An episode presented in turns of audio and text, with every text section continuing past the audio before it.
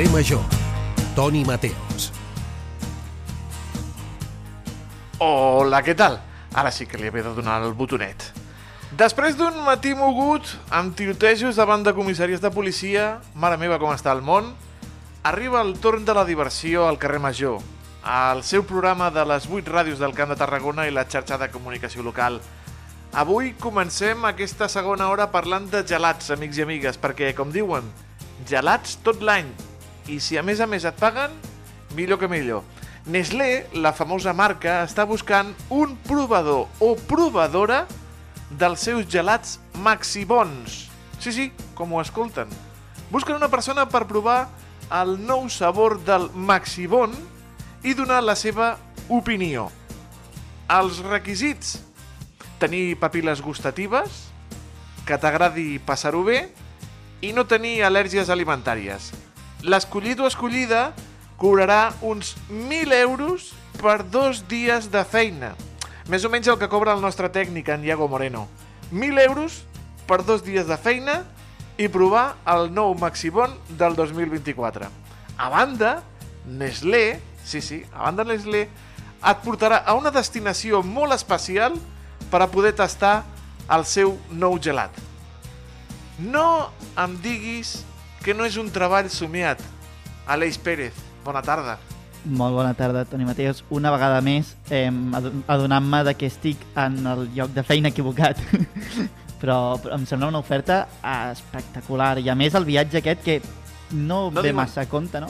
No diuen, un- no diuen on és, eh? No diuen on és. Eh, Però, però, segurament- però tampoc cal, no? O sigui, tampoc el viatge aquest és una mica perquè, perquè volen ells, perquè realment Sí, sí, sí. jo el Maximon aquest jo el podria provar aquí a casa meva, no, no, no cal anar No, no, és que són dos dies de feina. Eh, un el pots fer a casa perquè t'envien els maxibons a casa i l'altre et porten a una destinació suposo que serà algun paradís d'aquells luxosos a provar el maxibon i fer-te unes fotos. Ai, Aleix, com dius tu? Mirin, som els de carrer Major, és a dir, Ràdio Ciutat de Tarragona, la nova Ràdio de Reus, Ràdio Montblanc, Altafulla Ràdio Ona la Torre, Ràdio La Selva del Camp, Ràdio L'Hospitalet de l'Infant, Baix Camp Ràdio i La Xarxa. Per nosaltres, fer ràdio no és treball, és el nostre somni. Oh, que bonic m'ha quedat això, eh, Aleix? M'ha quedat... Preciós. Sí. Ah, per cert, l'oferta de Nestlé la van tancar quan van arribar a 25.000 inscrits. Benvinguts a Carrer Major.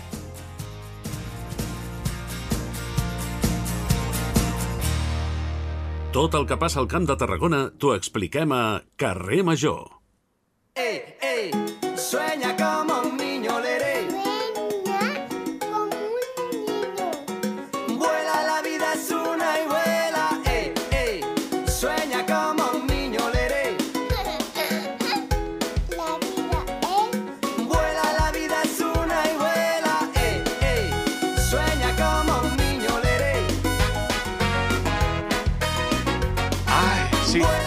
m'encanta, m'encanta. Arriba el Clicània amb la seva edició número 15, 15 edició, déu nhi 15 de la Fira dels Amants dels Clics de Playmobil.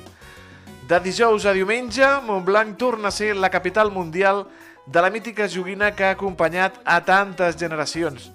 Jo en tinc uns quants. I tu, Aleix, tens un quants, uns I quants tant. clics? Sí? I tant, jo recordo especialment un, un vaixell de Playmobil d'egipcis, no? Que, que, que vaig passar-m'hi tardes i tardes senceres jugant amb aquell, amb aquell vaixell de Playmobil. jo tenia un bote de colón, d'aquells de cartró així grans, ple de clics, bueno, de clics, d'Argan Boys... En fi, per parlar de Clicània tenim els estudis de Ràdio Montblanc el Quim Caral, que és el cap de l'oficina de turisme de Montblanc i al qual saludem. Eh, Quim Caral, molt bona tarda. Hola, bona tarda. Per un moment me pensava que em preguntaríeu sobre el Maxibon. O sobre els també, clics. eh? Si, si vol, també. No, no, tens, tens, jo, tens clics jo- o què? jo no. Jo sóc d'una edat que me va enganxar una mica en el, en el canvi i jo havia jugat amb l'Exin Castillos, que això ja, ja Ah, és, molt, és, és molt boomer, és molt retro ja. No, no, eh, pentinem canes tots eh, aquí, eh? Quim, escolta'm una coseta. Mm, després del Terrània arriba el Clicània. Us esperàveu aquest èxit d'una fira pels amants dels clics de Playmobil? En el moment que el vam fer, no. No. Eh, teníem molt clar que el que volíem era crear un esdeveniment que tingués capacitat per atraure el públic familiar, que és un dels principals que té Montblanc al llarg de tot l'any, però en aquest cas era eh, amb un motiu principal i, i va costar una mica trobar-lo, aquest motiu, i, el, i, i amb el Playmobil la veritat és que vam donar a la Diana, la vam encertar plenament, això fa, fa ja un grapat d'anys, perquè és, és la quinzena edició, tenint en compte que el 2020 no es va fer pel, per la pandèmia, i, i una mica donava continuïtat al Terrània, perquè de fet agafa aquest, eh, el, el sufix ània amb la idea de que allò que fem a Montblanc eh, li posem una mena de segell que és acabat a Mània, va ser en aquell moment, perquè Terrània va estar uns anys sol i, i va ser a partir d'aquest moment en el, que, en el que veiem que val la pena fer-ho i la primera edició va ser tremenda. Va ploure, hi havia unes cues llarguíssimes de gent esperant-se en paraigües per poder entrar, l'entrada era caòtica, eh, ens va superar perquè el que esperàvem no era rebre tantíssima gent. A partir de la segona edició ho vam fer millor. I eh, després de eh, Sant Jordi, de la Setmana Medieval, podríem dir que és el gran, gran esdeveniment on més gent es concentra a la vila de Montblanc. Sens dubte, ho és, és així. I, i és uh, precisament agafant la idea de la setmana medieval de la llegenda de Sant Jordi, que es basa en un tema i s'orienta a un determinat tipus de perfil de, de visitant, de proximitat, eh, que viatja en família, també n'hi ha que van sense canalla, eh? per, per, tant a la setmana medieval com, a, com al Clicània, però vaja, que, que no fan masses quilòmetres, eh, per tant, gent que ve del Camp de Tarragona, de l'àrea metropolitana de Barcelona, les Terres de l'Ebre, de Lleida, més o menys, i, i és seguir aquest exemple i la veritat és que hem aconseguit doncs sí, situar-ho eh, al, al, al segon escalafó. No tenim cap intenció de superar la setmana medieval de la llegenda de Sant Jordi, aquest no és el nostre objectiu ni molt menys. Eh, el, els objectius queden plenament coberts perquè és dinamitzar la vila i més enllà la comarca a partir d'una activitat eh, lúdica, en família, i això fa funcionar restaurants, allotjaments, comerços. Per tant, què és el que, el que em reuneix no? tanta gent? És potser la nostàlgia? És potser aquest públic familiar? És aquests pares que volen mostrar als fills els, els Playmobils? Què, què, què atreu a tanta gent a, a Montblanc al, als clics de Playmobil? És una barreja, és una barreja perquè els públics també estan barrejats. A primera hora del primer dia sempre veiem que hi ha un perfil que ha vingut molt interessat a trobar alguna peça en concret. Per tant, estarien a la banda dels col·leccionistes, aquells que eh, doncs, es, es belluguen, fan quilòmetres per aconseguir un determinat clic que potser doncs, ha estat descatalogat o d'altres clics que han estat eh, customitzats, és a dir, tonejats, eh? que, que, que no surten d'una capseta de Playmobil de les que podríem trobar eh, en una botiga. I després està el públic majoritari. Aquest és el públic aquest, el que, al qual me referia abans, el públic familiar, que aquest va evolucionant. Està clar que fa 16 anys, quan vam fer la primera edició, no hi, havia, no hi havia el mateix públic que vindrà aquest, aquesta edició. Per què? Perquè aquells potser anaven amb una canalla entre 3 12 anys, que aquests, aquesta canalla, doncs n'hi ha alguns que ja estan arribant gairebé als 30. No? Per, per això que el, el que és més important és eh, diguem, ser fidel a aquest perfil de visitant encara que no sigui sempre les mateixes persones. Eh, Anar-te adaptant a les necessitats d'aquest públic. Per tant, ells també troben aquí eh, maneres variades de passar-s'ho bé. N'hi ha que són que són repetidors durant molt de temps fins que potser doncs, el, aquella canalla doncs, s'ha fet gran i diu ara vull anar amb els papes a, a Montblanc perquè ja ho he vist un munt de vegades. Bé, se n'incorporen de nous que quan vam començar doncs, no havien nascut. Parlem de, de xifres, si li sembla. Quants expositors n'hi haurà? Quantes botigues especialitzades n'hi haurà?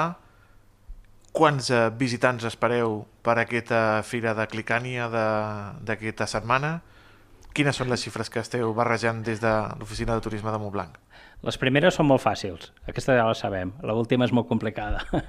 La, la primera, doncs, hi haurà 10 diorames, 10 diorames perquè l'espai principal dona pel que dona, és l'antiga església de Sant Francesc i dues de les sales que estan en el claustre. Eh, a conseqüència de la, de la pandèmia vam escampar una mica diorames en altres espais, però hem vist que és millor tornar-ho a concentrar, que ja, ja no tenim aquells requeriments que ens feia que, que, que, que ens va, va fer prendre la pandèmia, per tant els hem reconcentrat altra vegada tots a, Santa, a Sant Francesc i tenim 10 eh, diorames mm, amb temes doncs, molt singulars, eh, són diorames que no s'han vist prèviament i que estan, la veritat, molt bé, són espectaculars. I ho sé perquè, clar, el muntatge l'hem fet el passat cap de setmana, perquè, clar, els, els dioramistes no, no s'hi dediquen professionalment i venen al seu temps lliure a muntar-ho i, i, i, per tant, ja, ja els hem pogut veure de primera mà i són realment espectaculars. Enguany és dels anys en els que veiem més, més, més nivell. 10 dioramistes per una banda. Després, eh, botigues especialitzades, no tenim 6 aquestes eh, botigues doncs, una mica responen a allò que abans comentàvem. No? Hi ha col·leccionistes que busquen eh, peces descatalogades o, o capsetes que, que ja no estan en circulació i després n'hi ha d'altres que busquen detallets, perquè com que tu potser a casa, encara que no siguis un dioramista dels que participen en, en esdeveniments com aquest, eh, doncs pots tenir doncs, escenes, no? I, I a la teva escena, per exemple, que sigui en un bosc, necessites arbres. I els arbres doncs, surten amb capsetes que potser van acompanyades de un, una, un 4x4, un caçador o, o un animal i tu no vols ni el 4x4 ni el caçador ni l'animal, tu només vols arbres. Doncs allà trobaràs arbres, molts arbres. Si és que vols arbres, si vols una família de flamencs també la trobaràs, i si vols una família de, de porcs senglars, doncs també. Eh, llavors aquesta és la, la, la gràcia d'aquestes botigues, aquestes sis botigues que participen, que estan molt especialitzades i que van molt més enllà de les capsetes que podem trobar en una compra per internet o en una botiga convencional. Llavors, la pregunta complicada, quanta gent vindrà? Doncs això no se sap. Eh, sabem com han anat les altres edicions i que la veritat és que han anat molt bé, són mitjanes de visitants que superen els 2.000, eh, els 2.000 visitants al dia i que en alguna edició s'ha tensat el 3.000. Llavors, clar, això fa que o sigui, pugui canviar bastant. Dos serien 8.000, eh, tenim quatre dies, tres serien 12.000 on serem? Hi ha, hi ha, hi ha factors que, que de vegades ajuden o perjudiquen i el factor climàtic mm, segurament és el principal. A més bon temps, més possibilitat de que et vinguin molts visitants. Sí, I com es prepara Montblanc per l'arribada d'això de, de, de, de tanta gent que pot arribar-hi? No sé si, si els comerços també es reforcen, si hi ha també algunes, algunes maneres també de, de, de preparar-se davant d'aquesta gran quantitat de, de gent que, que farà cap a, a la ciutat cadascú es prepara com pot. Per exemple, els restaurants hi ha un moment que no donen a l'abast, segurament. Doncs, que hi hagi, eh, no sé, passejar, això que deia, 2.000, 3.000 persones al carrer tombant, pot fer que un petit restaurant quedi saturat doncs quan ja n'hi ha només 500, no? I, i, i que dius, doncs, bueno, si està ple, està ple, ja, ja no es preocupa de, de res més, perquè ja, ja li està funcionant el fet de que organitzis aquell esdeveniment. Nosaltres el que també busquem molt és que la gent pugui conèixer el, el poble més enllà de l'organització de l'esdeveniment. Per exemple, ens passa també amb Terrània, que, que, que és el primer que vam fer. Doncs amb Clicània el que fem és generar un segon punt d'interès, que és l'antiga església de Santa Madalena.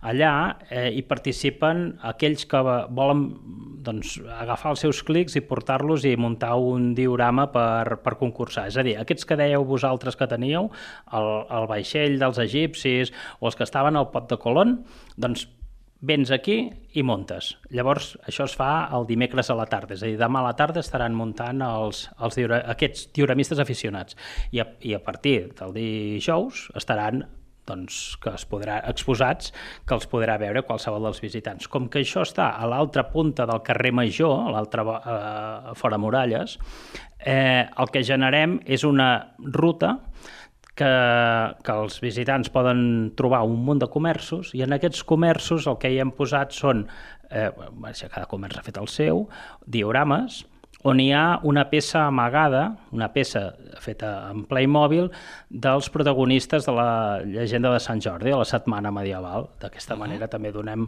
una mica a conèixer la festa vaja, si és que necessita donar-se a conèixer la festa de la setmana medieval, però li donem aquest protagonisme a la presència en els, en els aparadors i llavors la gent el que ha de fer, sobretot està molt pensat per canalla, però també ho fan molts adults, eh? molts adults demanen el paper tot dissimulant, perquè, clar, és, és cosa de nens petits, però, però agrada a tothom. Sí, sí. I llavors el que es tracta és de identificar quin és el, el clic que està amagat on no toca i, i després fem un sorteig de productes de Playmobil, òbviament. Mm, home, clar, els grans també s'interessen per aconseguir aquest lot de productes Playmobil, i tant que sí, i tant que sí. Has dit diorames. Jo he llegit, alerta amb això, perquè dius que n'hi ha de tots tipus, però n'he llegit que n'hi ha, alerta, Aleix, de Star Trek, d'Astèrix, de Jurassic Park i una escena de El Senyor dels Anells, la batalla de les mines de Tirith, que diuen que pot ser allò... Oh, si la pel·li era brutal, doncs imagina Sí, sí. tu, amb clics de Playmobil. No és així, Quim? Sí, sí, i, i la veritat és que estan molt bé. Eh? Eh, sempre, eh, ens anem trobant les propostes que ens fan els dioramistes que són espectaculars. Eh, Playmobil, com també fa Lego, però no, Playmobil ho va fer més tard, té acords amb, amb grans marques eh, i, i llavors agafa aquestes línies de personatges que són coneguts més enllà del món Playmobil.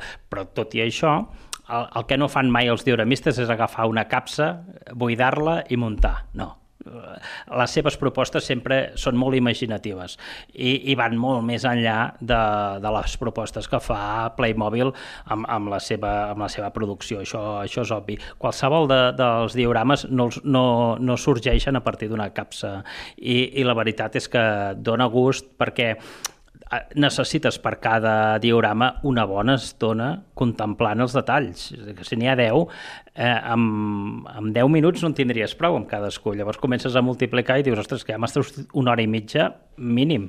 Sí, sí. Mirant els detalls petits, detalls de les mines de Tiriz o de, o de la Jurassic Park, aquest Jurassic Click que, que en fareu eh, i que gaudiran tothom. Eh, L'exposició també del seguici festiu de Montblanc amb clics. Com funciona això, Quim Caral? Aquest va ser un projecte ja de fa uns quants anys que va, va fer dos dioramistes, especialment un que, que, que ens va fer la proposta amb temps, amb, eh, allò de repensar-ho bé, i vam dir, ostres, doncs estaria molt bé, va ser, en aquell moment va ser una novetat, va ser una inversió a futur, que van dir, mira, és una bona manera de fer un reconeixement a, a, als diferents grups que participen en el seguici popular de Montblanc i que quedi com una exposició que fa que tots aquests visitants que venen mm, doncs, motivats pel món del clic a la vegada descobreixin Montblanc, no? Descobreixen Montblanc passejant, l'església i l'antic convent de Sant Francesc, òbviament, perquè és on se celebra, però a banda doncs poden veure quins són els elements principals de, del seguici, tot i que no és festa major i, per tant, no els veuran actuar. I bé, per anar tancant una mica tota aquella gent que encara estigui doncs, una mica indecisa de si anar, si no, si ens pots explicar horaris, preus, informació d'una mica què, què s'ha de fer per, per viure aquest Clicània. A veure, si està indecisa, que deixi d'estar, que vingui. Eh? Això ja no, és, és, és incontestable, eh? no n'hi no, no ha més. Hi ha quatre dies seguits, eh, trobem un primer dia de festa, el segon, que és feiner, també estarà obert, eh, matí i tarda, i després el, el cap de setmana. L'horari és, molt, és, és molt ampli. Comencem a les 10 del matí i tanquem a les 8 del vespre. El que passa és que fem una petita aturada de dues a tres per fer neteja de, dels espais, de, dels matraquilats que protegeixen els, els diorames perquè hi ha moltes ditades i, i fe, fem una mica de neteja, però vaja, que, que dona, dona, dona 9 hores de, de, de festival, dona. I els preus són, a partir dels 14 anys són 5 euros i entre 7 i 13, dos i mig. I després tenim els més petits, que fins a 6 anys no paguen. I per treure l'entrada doncs, es pot fer a través del nostre web, de montblancmedieval.cat, que és el, el de l'oficina de turisme, el de, el de la promoció turística de Montblanc, però també el web específic que té el festival, que és clicania.cat. Doncs ja ho saben, no ho dubtin i aquests dies a, cap a Montblanc, que hi falta gent per gaudir de Clicània, i mira, si busquen allò... Mira, regalar, per exemple, a una parella de nuvis que estan a punt de casar-se, regalar-los dos clics de Playmobil, un basat en ell i un altre basat en ella, i vinga. El, els trobaries segurament No, no, i en el, pots en el muntar. cas de no trobar-lo te'l farien perquè és això que et dit abans, eh? que el- te'ls customitzen I, te, Correcte. i, i et posaran més ros o més castany o, o amb barba o sense eh, te, te'l faran a mida Jo sempre que he regalat clics he triomfat. Eh, Quim Caral, responsable de l'oficina de turisme de Montblanc, moltíssimes gràcies per acompanyar-nos una vegada més aquí al carrer Major. Que vagi molt i molt bé al Clicània. això esperem, us convidem a venir Una abraçada, gràcies. Carrer Major, al Camp de Tarragona, des de ben a prop.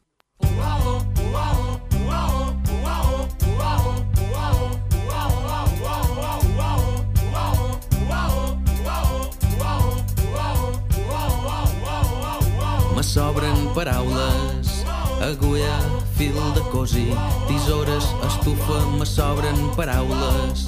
Vermut, patates, olives, paraules molt curtes, pi, paraules molt llargues. Vermut, patates i olives. Aquest diumenge, i tiro cap a casa, cap aquí a la selva, es va estrenar el documental Paret Delgada, un fil d'esperança, un magnífic treball dels companys de Canal Camp, on es parla dels mítics aplecs de Paret Delgada, que van tenir lloc del 1959 al 1964. Una experta en aquests aplecs és la nostra lingüista de capçalera, l'Agnès Toda, que avui li toca parlar aquí, al carrer Major, i la saludem. Agnès, bona tarda. Bona tarda, com anem? Com és que en saps tant dels aplecs de paret delgada que t'he vist al documental? Bé, eh, perquè mm, soc filòloga catalana, perquè a través dels aplecs es va fer una gran aportació a la llengua catalana en uns moments que eren molt foscos per la llengua catalana, com és el franquisme, que es perseguia bé, qualsevol eh, aspecte de la cultura catalana, no només la llengua, sinó qualsevol aspecte. I, en canvi, des dels aplecs eh, es va apostar eh, per intentar eh, que el règim franquista no aconseguís això. Aleshores, eh, com a filòloga catalana eh, m'interessava el tema perquè a més eh, això jo ho havia sentit explicar sempre a Montroig, jo soc de Montroig del Camp i ho havia sentit explicar sempre, havia sentit explicar sempre l'aspecte més típic dels aplecs de paret delgada, que és que van gosar tallar el, el fil que, que donava veu eh, al, al cardenal Arriba i Castro perquè va anar uh, l'últim d'aquests aplecs, bé, ara començo pel final i després ja explicaré eh, tot plegat, però doncs uh, l'últim d'aquests aplecs va anar al cardenal Arriba i Castro i va parlar en castellà. I amb tot el que simbolitzaven aquests aplecs, eh, bé, se li va tallar el cable perquè mm, la gent no el sentís i no el poguessin seguir.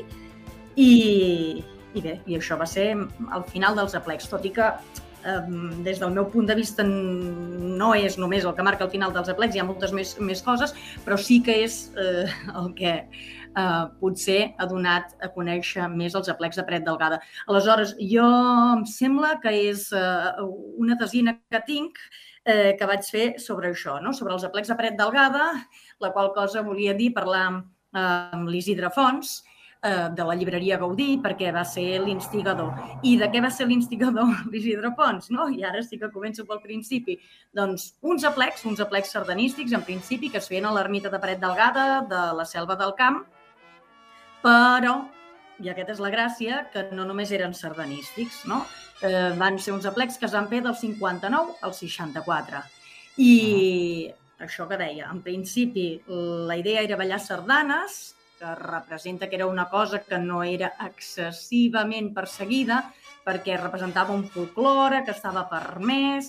A més, doncs, eh, en el 59, quan comença eh, quan comencen els aplecs, que per tant ja és eh, posteriorment a la finalització de la Segona Guerra Mundial, eh, que interessava donar una imatge eh, d'aquesta Espanya franquista més oberta i aleshores, eh, bé, d'aquesta manera doncs, representa que, que, que es donava aquesta imatge, no? Eh, permetent aquestes, eh, aquestes mostres més eh, folclòriques com podria ser la sardana. Aleshores, aquí es va fer una qüestió molt tàctica perquè es va comptar amb el suport de l'Església, no? es feien l'ermita de Paret Delgada, amb tota, bé, tots els, eh, el clero que hi havia aleshores vinculat eh, amb, amb la selva, eh, que bé, que sempre la selva ha estat molt important en aquest sentit, i doncs bé, els eh, diferents eh, mossens que hi havia per la selva es van Sí. vincular a, a fer realitat a, aquests aplecs i això vol dir que permetien coses que en un altre cas no eren permeses, no? Es permetia cantar, ai, es permetia ballar sardanes, es permetia, per tant, que hi hagués música per ballar sardanes, i això volia dir que, per exemple, es permetia la Santa Espina, que en un altre Clar. context no es permetia. I Eh, llavors, aleshores, eh, Agnès, em, hi havia molta més activitat, no? Més enllà de les sardanes, també hi havia xerrades, hi havia concursos literaris, era un, un oasi no? de, de català, podríem dir, dintre d'una època molt complexa. Exacte, era un parèntesi. Uh, per... I, I cal tenir en compte que és que és, és, és un aspecte eh, increïble no? que s'aconseguís això a la selva, perquè bé, ja, ja, s'anava amb, amb cada, nova, cada nou any, eh, cada nou any, eh, s'intentava mm, que representés eh, més elements de la cultura catalana, que s'anés una miqueta més enllà, eh, que hi hagués, doncs, això, no? com deia l'Aleix, eh, també eh, un concurs eh, de literari, que hi hagués també un concurs de la cançó, que hi hagués també un concurs, eh, bé, i si no era concurs, que hi haguessin xerrades, i, eh, eh, que cada any es publicaven uns llibrets que també eren molt significatius, que s'hi feia parlar eh, gent de l'Església, però doncs també eh, s'hi feien parlar d'altres, parlar, intervenir, escriure, d'altres persones. Uh, i, I sempre això, no? d'una manera molt tàctica, eh, donant també a cada, cada any protagonisme amb algun element, amb alguna persona o altra, en algun àmbit o altre de la cultura catalana i tenint en compte que tot això era de països catalans. I això dèiem del 59 al, al 64. Al 73, ara fa poc, se commemoràvem eh, que es, bé, es va detenir Cipriano Martos, que també estava Cipriano Martos el van tenir Reus i no estava vinculat amb la selva, però estava vinculat eh, bé, amb, amb el FRAP, no? se'l vinculava amb el FRAP i també es vinculava al FRAP d'altres persones de la selva i aquí sí que ve doncs, tot aquest vincle. Eh, i, I recordem que el 73, que era bastant més endavant, per tant, eh, aquest senyor del Cipriano Martos, que, se, bé, que no era un, ben bé no era un senyor, era, era un noi, era, tenia 30 pocs anys, eh, se'l va detenir per repartir propaganda i se'l va torturar i matar d'una manera mm, bàrbara, cruel.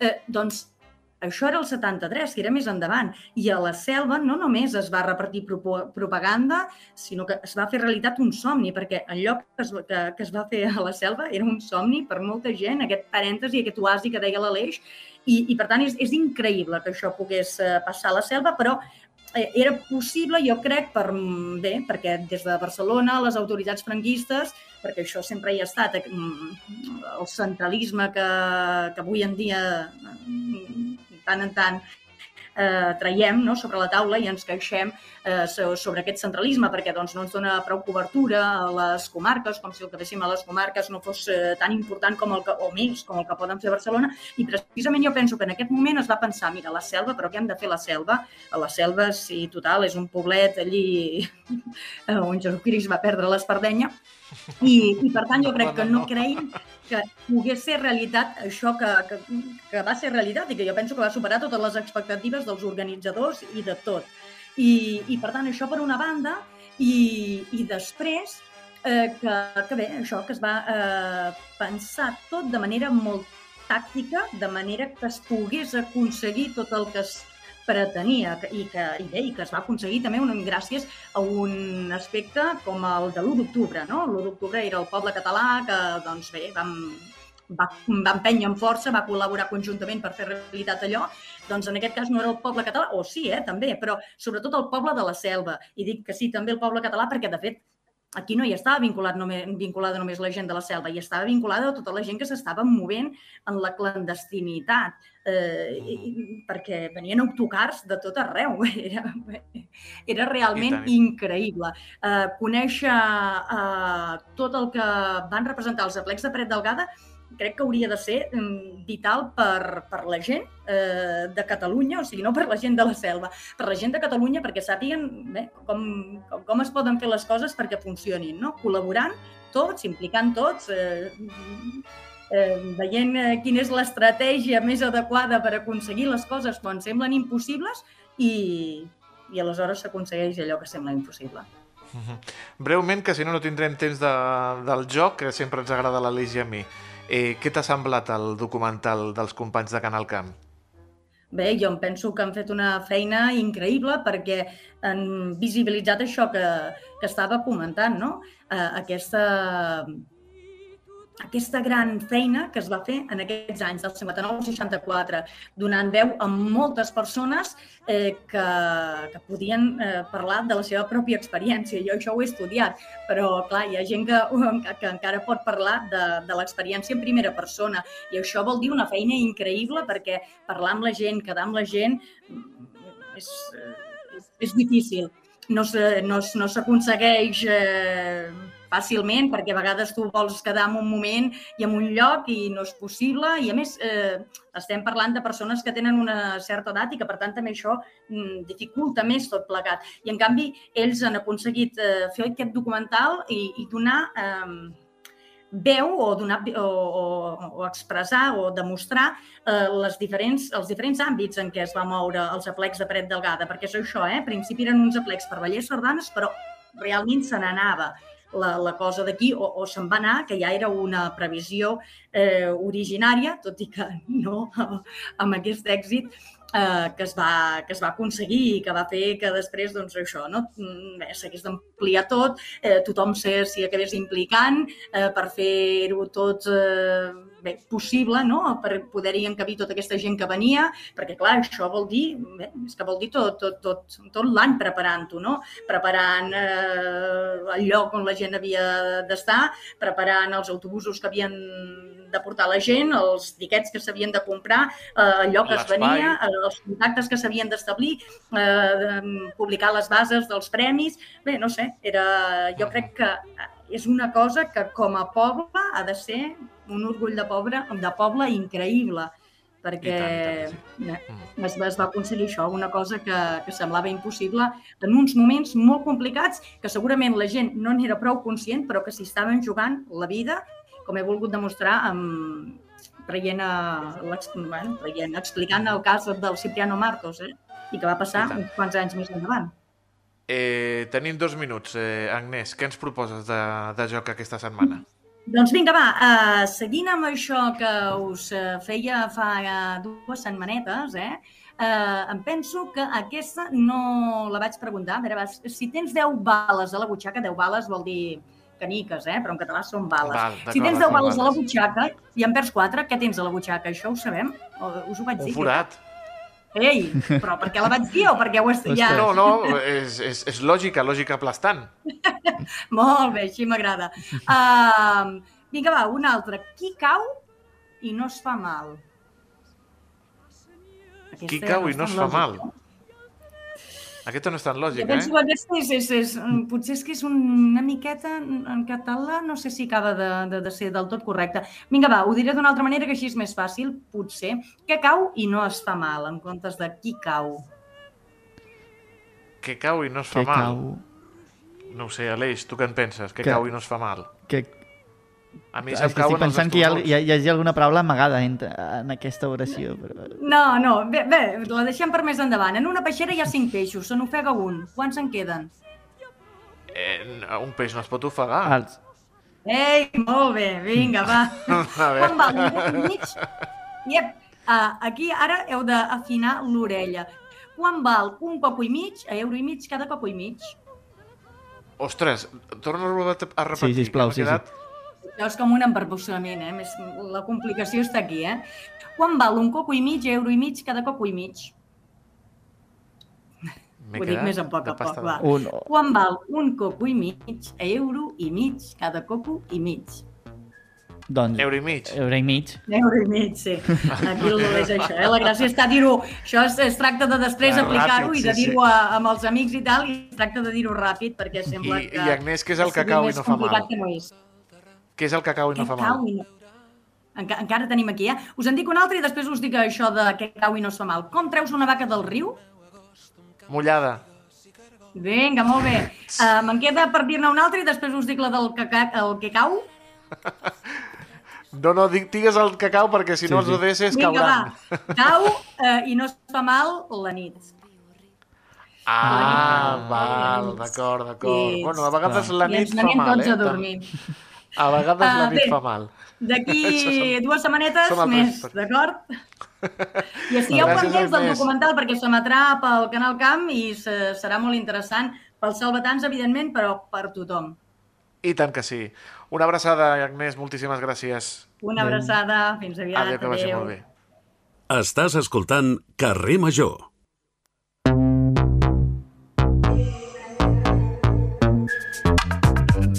Ràpid, Aleix. Sí, sí, Marxem que, cap als que- ODS. Cap a on Efectivament, anem? que, que ens cau al damunt el temps, és hora de passar als ODS, els Objectius de Desenvolupament Sostenible, que cada dimarts i dijous us portem des de Carrer Major. Avui parlarem del FES, el Festival d'Educació per a la Sostenibilitat que organitza el Museu de la Vida Rural de l'Espluga de Francolí el 28 d'octubre. Eh, ho podem incloure dintre de l'ODC número 4, dedicat a l'educació de qualitat, i també el número 11, dedicat a les comunitats sostenibles. Per parlar-ne tenim amb nosaltres a l'Albert Carreras, responsable de l'Acció Cultural del Museu. Molt bona tarda, senyor Carreras, i moltes gràcies per venir a Carrer Major. Hola, bona tarda. Bé, primer de tot, com va sorgir aquesta iniciativa en, ara farà ja cinc edicions i com s'ha anat consolidant el territori?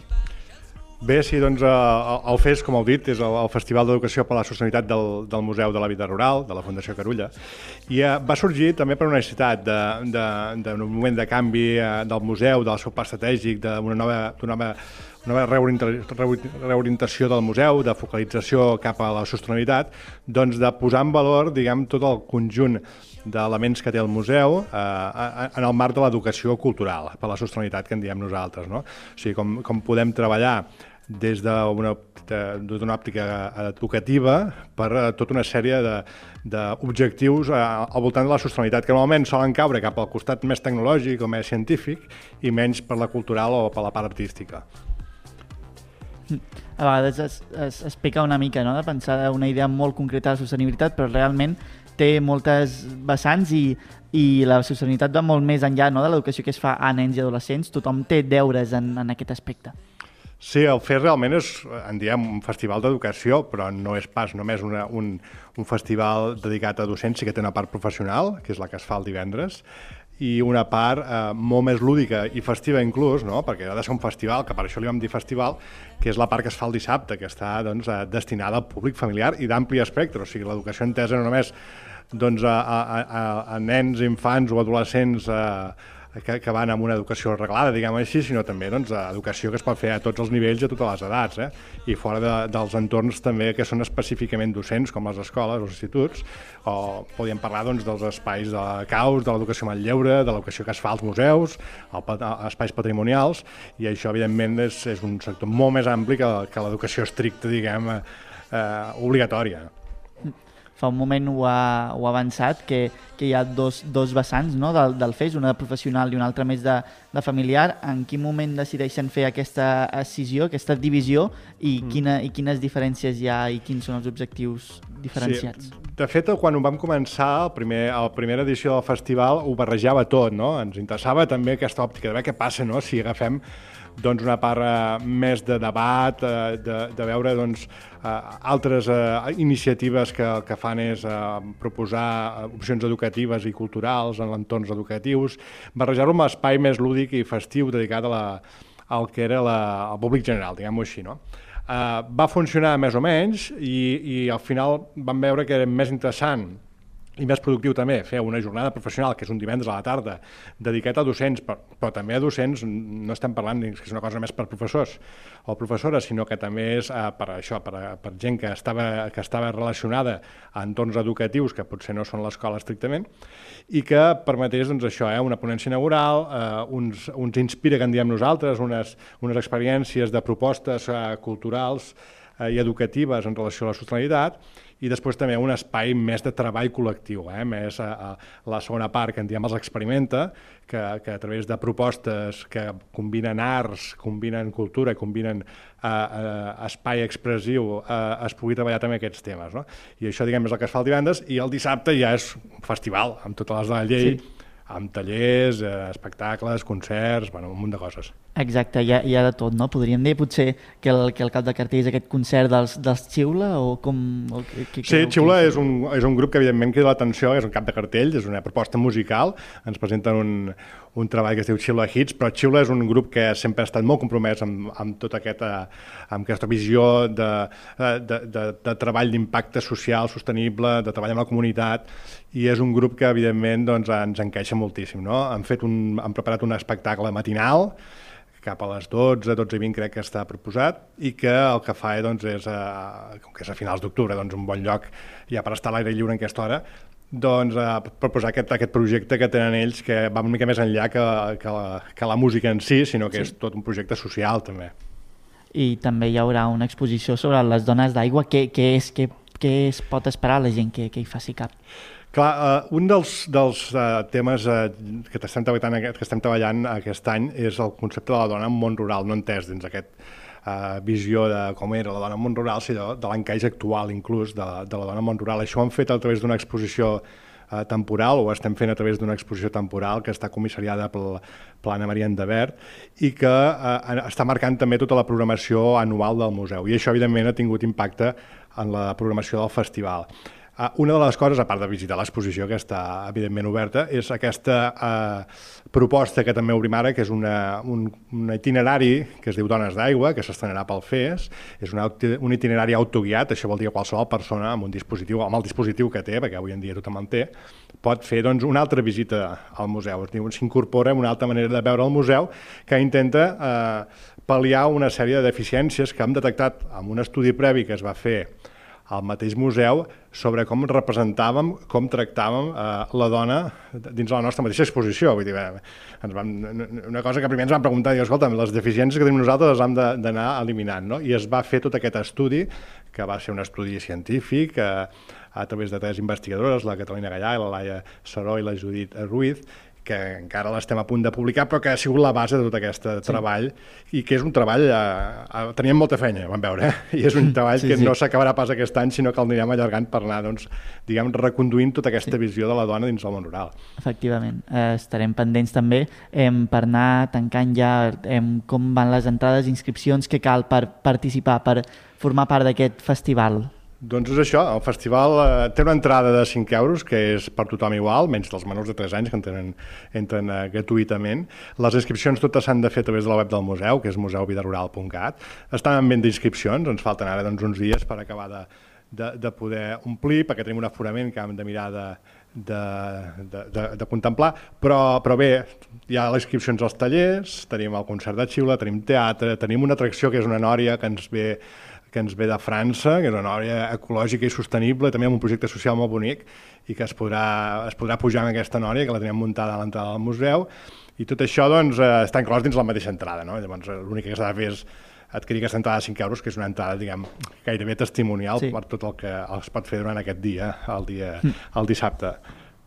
Doncs jo crec que amb aquesta carta de presentació ja, ja que, que els nostres oients ja hauran marcat el calendari aquesta data, aquest 28 d'octubre. Moltíssimes gràcies, Albert Carreras, responsable de l'acció cultural del museu, doncs, per aquest temps i, de, i per explicar aquesta proposta tan interessant que sempre ens omple de color el nostre territori. Moltes gràcies. Molt bé, moltes gràcies a vosaltres.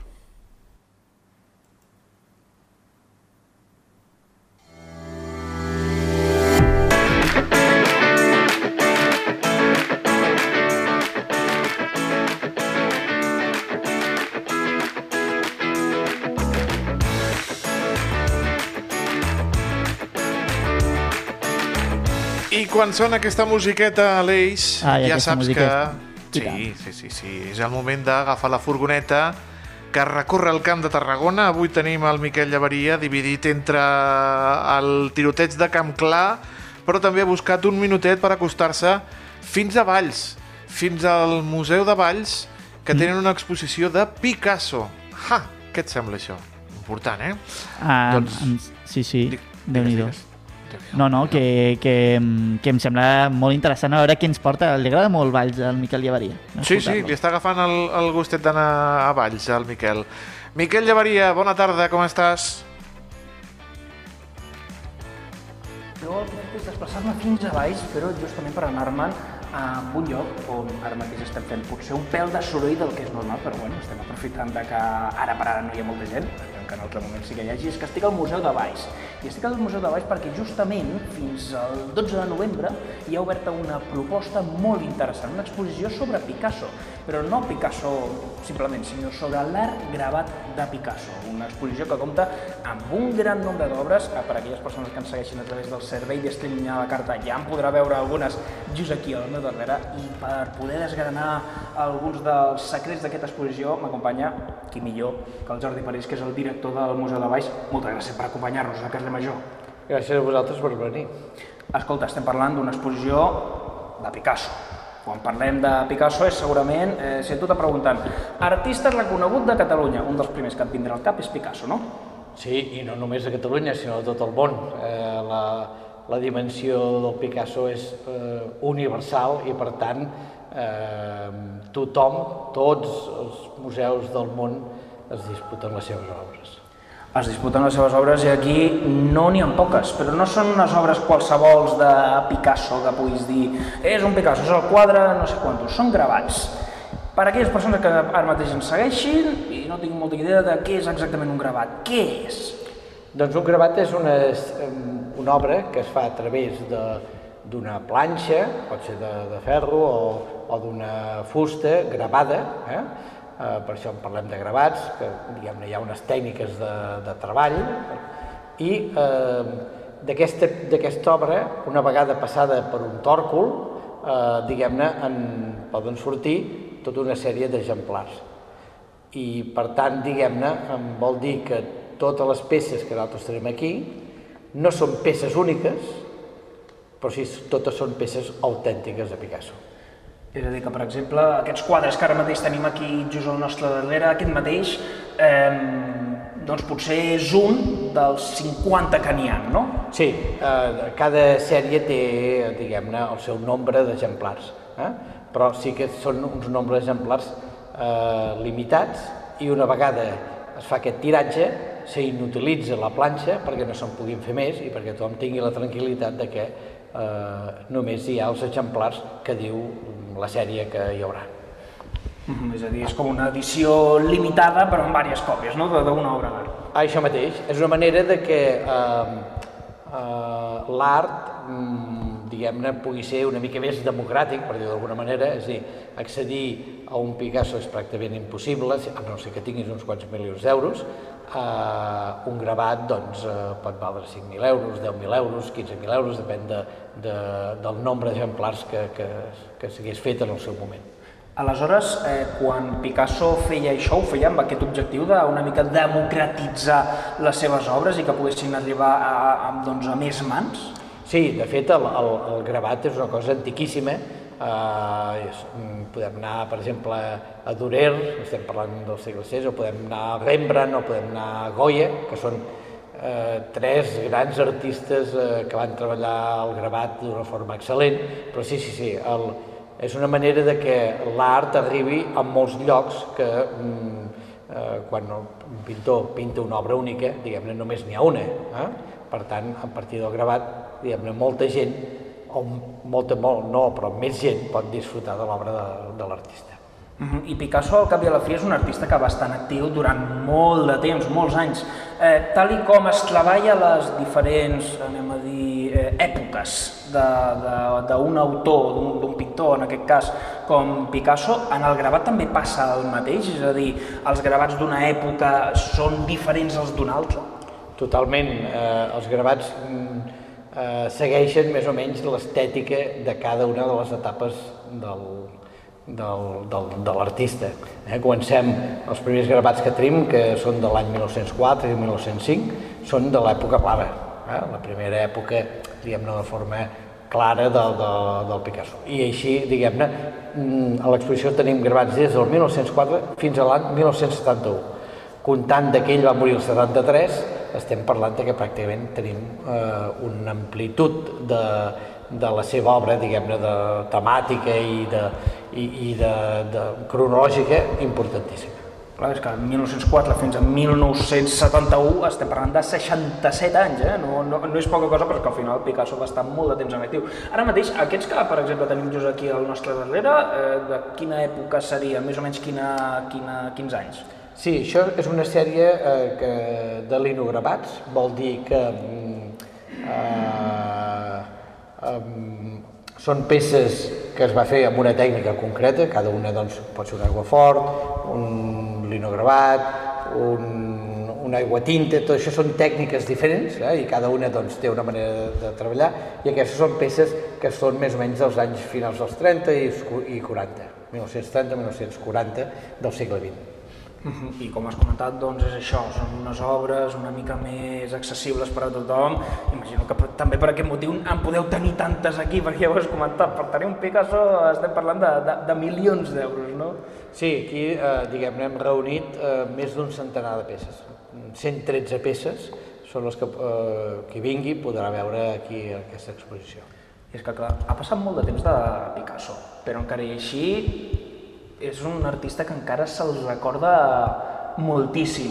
Imagino que això és una, un dels motius que us ha motivat també a donar aquest pas a dir anem a muntar aquesta exposició que jo ara mateix eh, no te sabria comptar quantes, quantes obres veig, més o menys quantes n'hi hauria. Sí, aquestes 113 que, que abans t'estava indicant. De fet, eh, aquesta exposició l'hem muntat perquè fa 50 anys que es va morir. Eh? Picasso va viure més de 90 anys, 92 anys, eh, i va produir una quantitat ingent. Es parla de gairebé mig milió d'obres que va produir, des d'un dibuixet, diguem-ne, ridícul, eh, fins a la peça més gran que us podeu imaginar, però estem parlant de mig milió d'obres, que és una barbaritat. Va ser un home que va produir eh, d'una forma extraordinària, que va ser un artista que va captar eh, el món de l'art, diguem-ne, ho va captar tot, ho va transformar i mm, a partir d'aquí va fer la seva obra. Gairebé podríem parlar d'un monstre, diguem-ne, eh, creatiu, eh? un monstre que, que, que va fer aquesta ingent obra que, mm, que és excepcional. Clar, jo ara mateix deia, no, és que em veig moltíssimes, 113 hores dius, i me parles després de mig milió, doncs eh, això és gairebé un, una petita pinzellada dins de tota l'obra que tingui Picasso, però en tot cas, si algú vol gaudir d'aquesta pinzellada, el que fem és, òbviament, animar-vos a que us acosteu al Museu de Baix per poder gaudir d'aquesta exposició de Picasso i el seu art gravat, que estarà oberta fins al 12 de novembre. Així que teniu un mes, eh? No, no, no hi ha excuses de ai, és que no podia. No, no, no, teniu un mes. En tot cas, Jordi París, director del Museu de Baix, moltíssimes gràcies per haver-nos acompanyat uns minuts a Carles Major i descobrir una mica els secrets d'aquesta obra de Picasso. I, bueno, i a més a més eh, els diem a tothom que l'entrada és gratuïta, per tant, tampoc no tenen l'excusa de dir és que valdrà diners, no, no. Poden venir, una entrada gratuïta i poden veure, a part d'aquesta exposició, la, tota la resta del museu. Doncs escolteu, entrada gratuïta. Ara ja sí que no teniu cap mena d'excusa per un dia fer una escapadeta al camp i gaudir de l'obra de Picasso. Home, Miquel, gràcies. Eh, fantàstic, a més a més, com hem dit, 50è aniversari de la mort del geni malagueny, que poden disfrutar eh, d'aquesta magnífica exposició de gravats de Picasso, més de 113 obres, entrada gratuïta al Museu de Valls, i després, doncs, mira, també aprofitar i visitar el Museu Casteller, que l'han obert fa poquet, i fer la tarda, com nosaltres, Aleix, que hem fet Exacte. la tarda. Ja hem passat la tarda. Ja, ja, Ja ha ha passat la passat... tarda. Ja està. Ja està. Ara ja... I demà? Ara... I demà, i demà més, i demà, Demà més. més. Demà més, a partir de les 4, amb l'Anna Plaça i el Junai González, i a partir de les 5, amb l'Aleix Pérez i un servidor, el Toni Mateos, i a banda, els nostres companys de les 8 emissores que fem possible al carrer Major i la xarxa de comunicació local. Tornem demà. Abraçades. Demà. Adeu, adeu.